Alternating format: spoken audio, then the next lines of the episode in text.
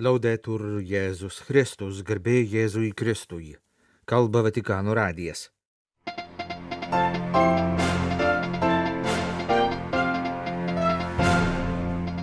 Penktadienio pavakarę popiežius aukojo grabnyčių šventės mišes. Paskelbta popiežiaus žinia pasauliniai misijų dienai, kuri bus minima spalio mėnesį. Panamoje laimingai surastas trumpam dingęs bežinios kardinolas. Vasario 5 dieną sukaks 140 metų nuo arkivyskupo Mečislovo Reinio gimimo.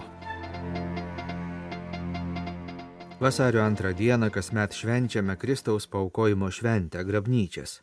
Šią progą minima ir pasaulinė pašvestojo gyvenimo diena. Penktadienio pavakarė Šventojo Petro bazilikoje popiežius Pranciškus vadovavo mišioms, kuriuose dalyvavo Romos vienuolių bendruomenių atstovai.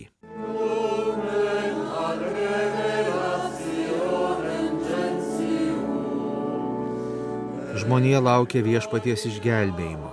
Pranašai skelbė apie jo ateimą. Šią dieną liturgijoje minimi Simeonas ir Ona yra šio žmonijos laukimo įvaizdis. Jie mato viešpatį įžengiantį į savo šventyklą ir nušviesti šventosios dvasios atpažįsta jį kūdikyje, kurį Marija atneša ant rankų, sakė Pranciškus mišių homilijoje. Popiežius prašė atidžiau pažiūrėti į šiuos du senolius - kantriai laukiančius, budrios dvasios ir ištvermingos maldos žmonės. Jų širdys nuolat būdėjo, tarsi degantis žiburys. Jie yra garbaus amžiaus, bet jų širdys jaunatviškos. Gyvenimo kelyje jie patyrė sunkumų ir nusivylimų, bet nepasidavė pralaimėjimui, neišleido į pensiją vilties.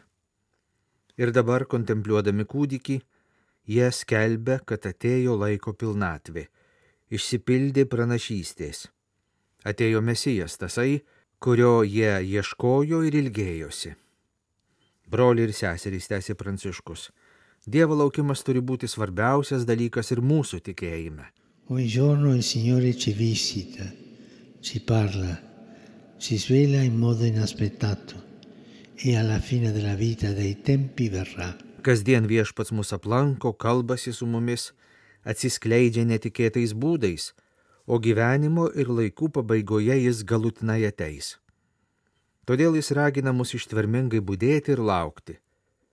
Iš tikrųjų blogiausia, kas mums gali nutikti, yra pasinerti į dvasios miegą, užmigdyti širdį, padaryti nejautrę sielą, išstumti viltį, leisti ją nustelbti nusivylimui.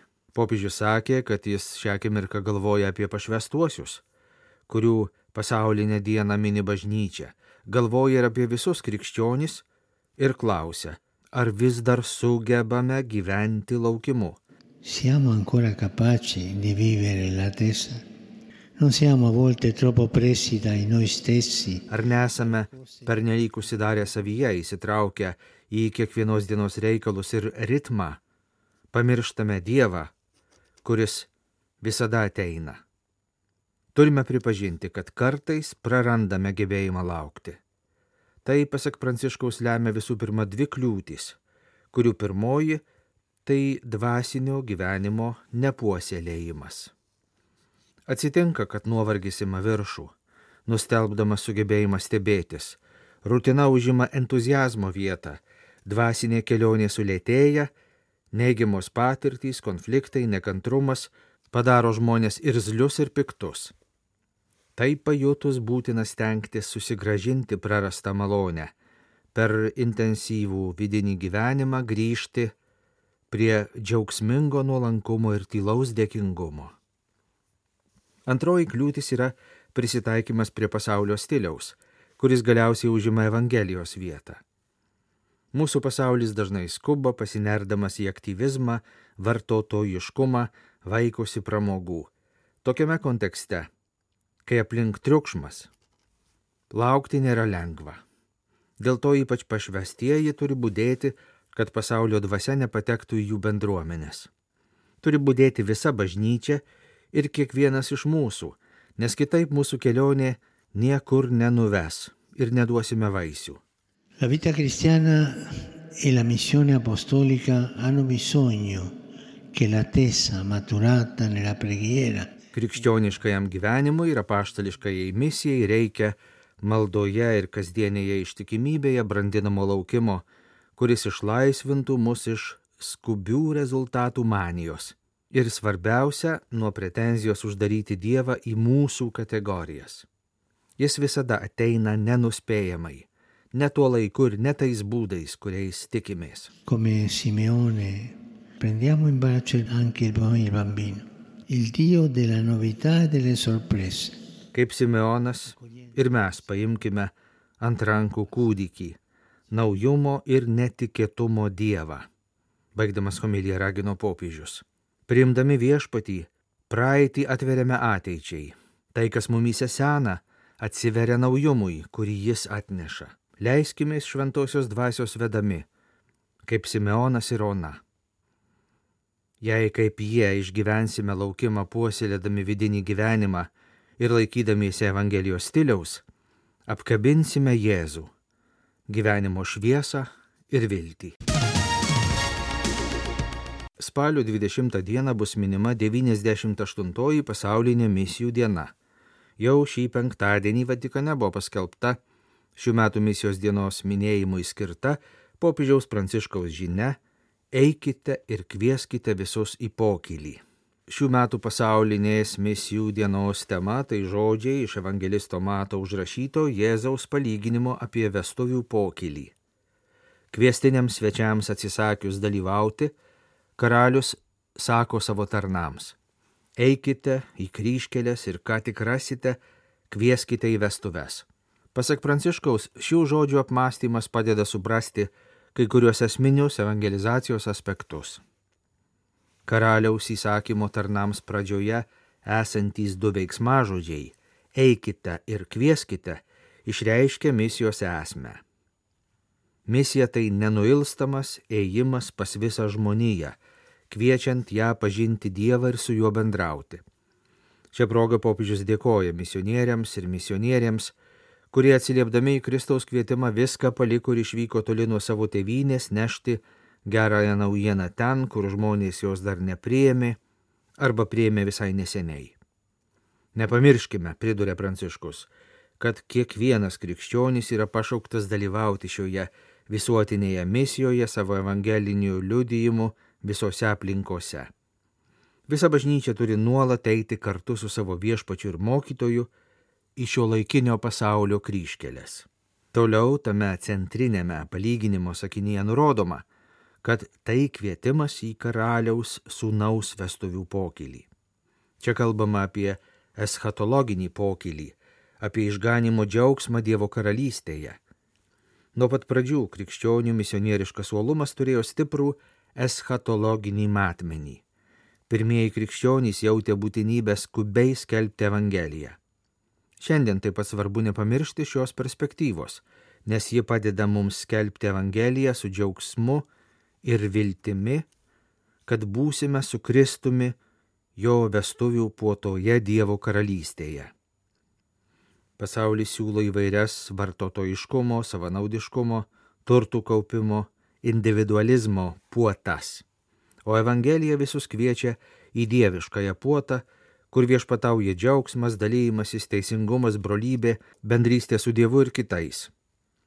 Šios gyvenimo pilnatvės jau dabar ragaujame Eucharistijos pokylyje, kurį bažnyčia viešpaties įsakymų švenčia jo atminimui. Taigi bažnyčios misijos esmė - kvietimas į eschatologinį pokylį yra neatsiejamai susijęs su kvietimu prie Eucharistinio stalo, kur viešpats mus maitina savo žodžiu ir kūnu bei krauju. Popiežius prašo, kad šiais metais, kuriais malda rengiamės 2025 metų jubiliejui, būtų karštai melžiamasi už bažnyčios vykdomą evangelizavimo misiją. Toliau popiežius atkreipia dėmesį į trečią kvietimo dėmenį. Jis yra skirtas visiems.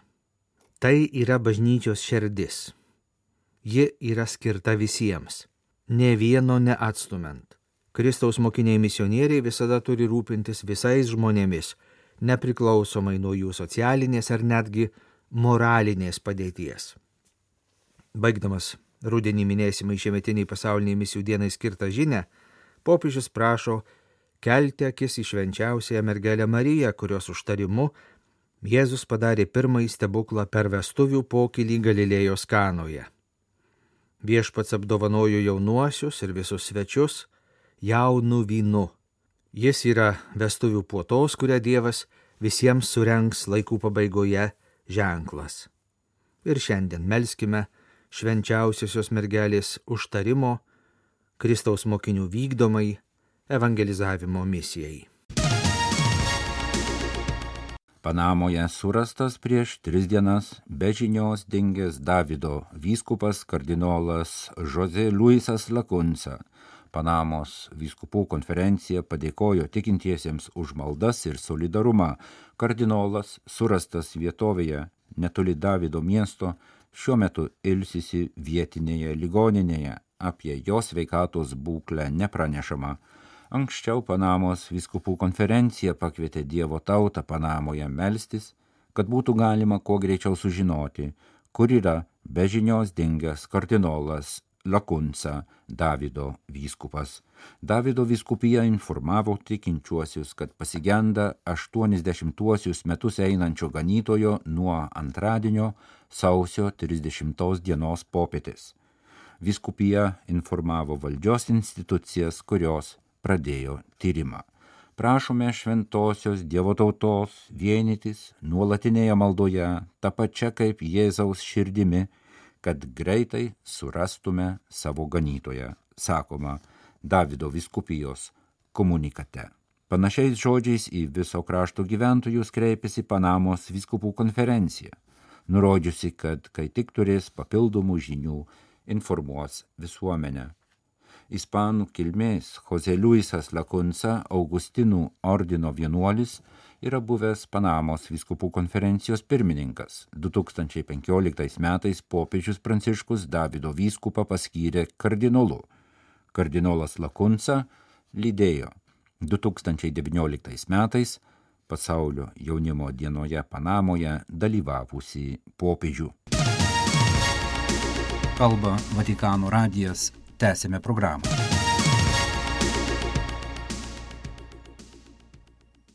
Vilniaus arkivyskupija pakvietė vasario penktą dieną švesti ir prisiminti Dievo tarną arkivyskupą Mečislovą Reinį ir melstį jo užtarimo gimimo 140 metų sukakties proga.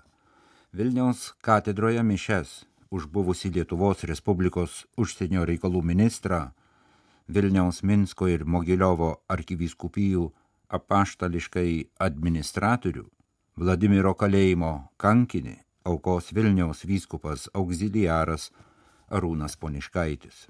Svetainėje apie šventumo garsą Lietuvoje šventumogarsas.lt Dievo tarnų ir tarnaičių sąraše 23 kandidatai į šventuosius - moterys ir vyrai, pasauliečiai ir pašvestieji taip pat dvasininkai, skaitant keturis vyskupus.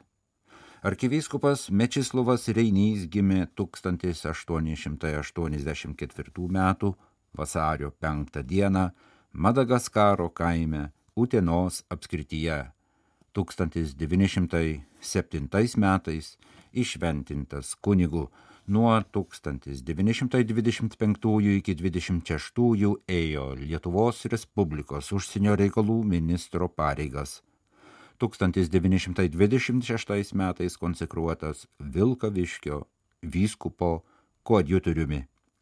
1940 metais paskirtas Vilniaus auxiliaru, tačiau faktiškai ėjo Vilniaus ganytojo pareigas ir todėl jam šventasis sostas suteikė arkivyskupo titulą.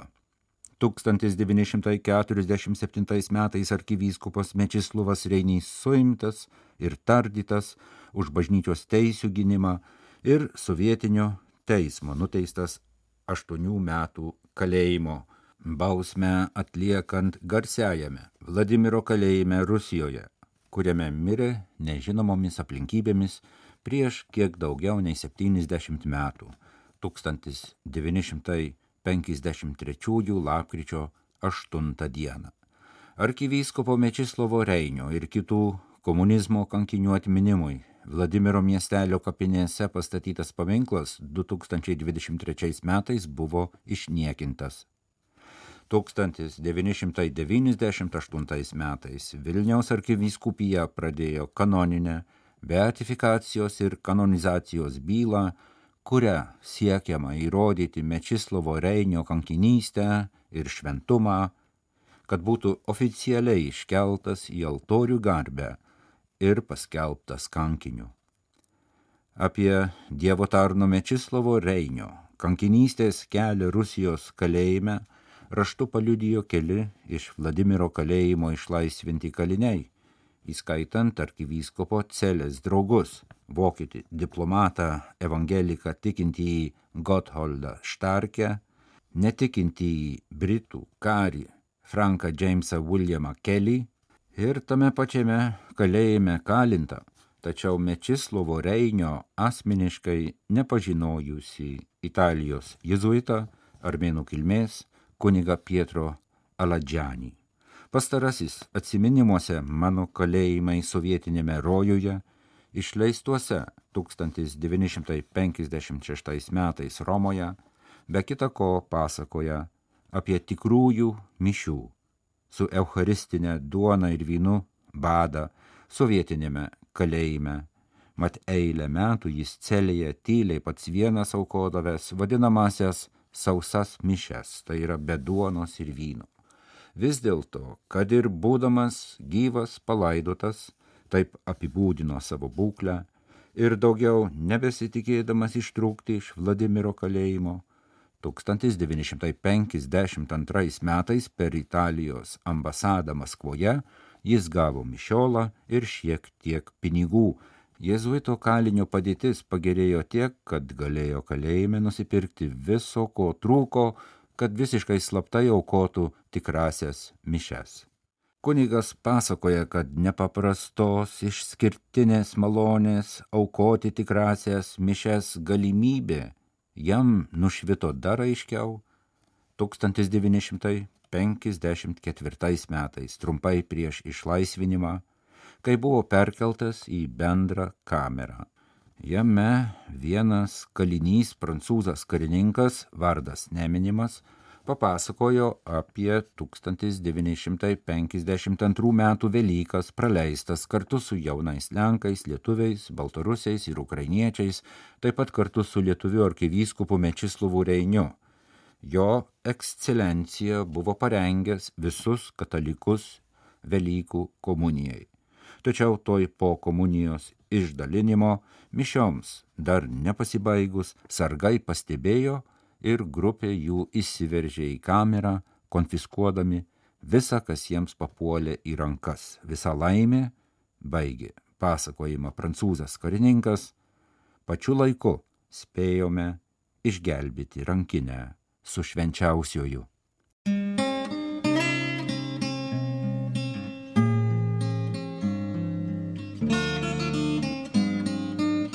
Kalba Vatikano radijas. Laidą lietuvių kalba baigėme.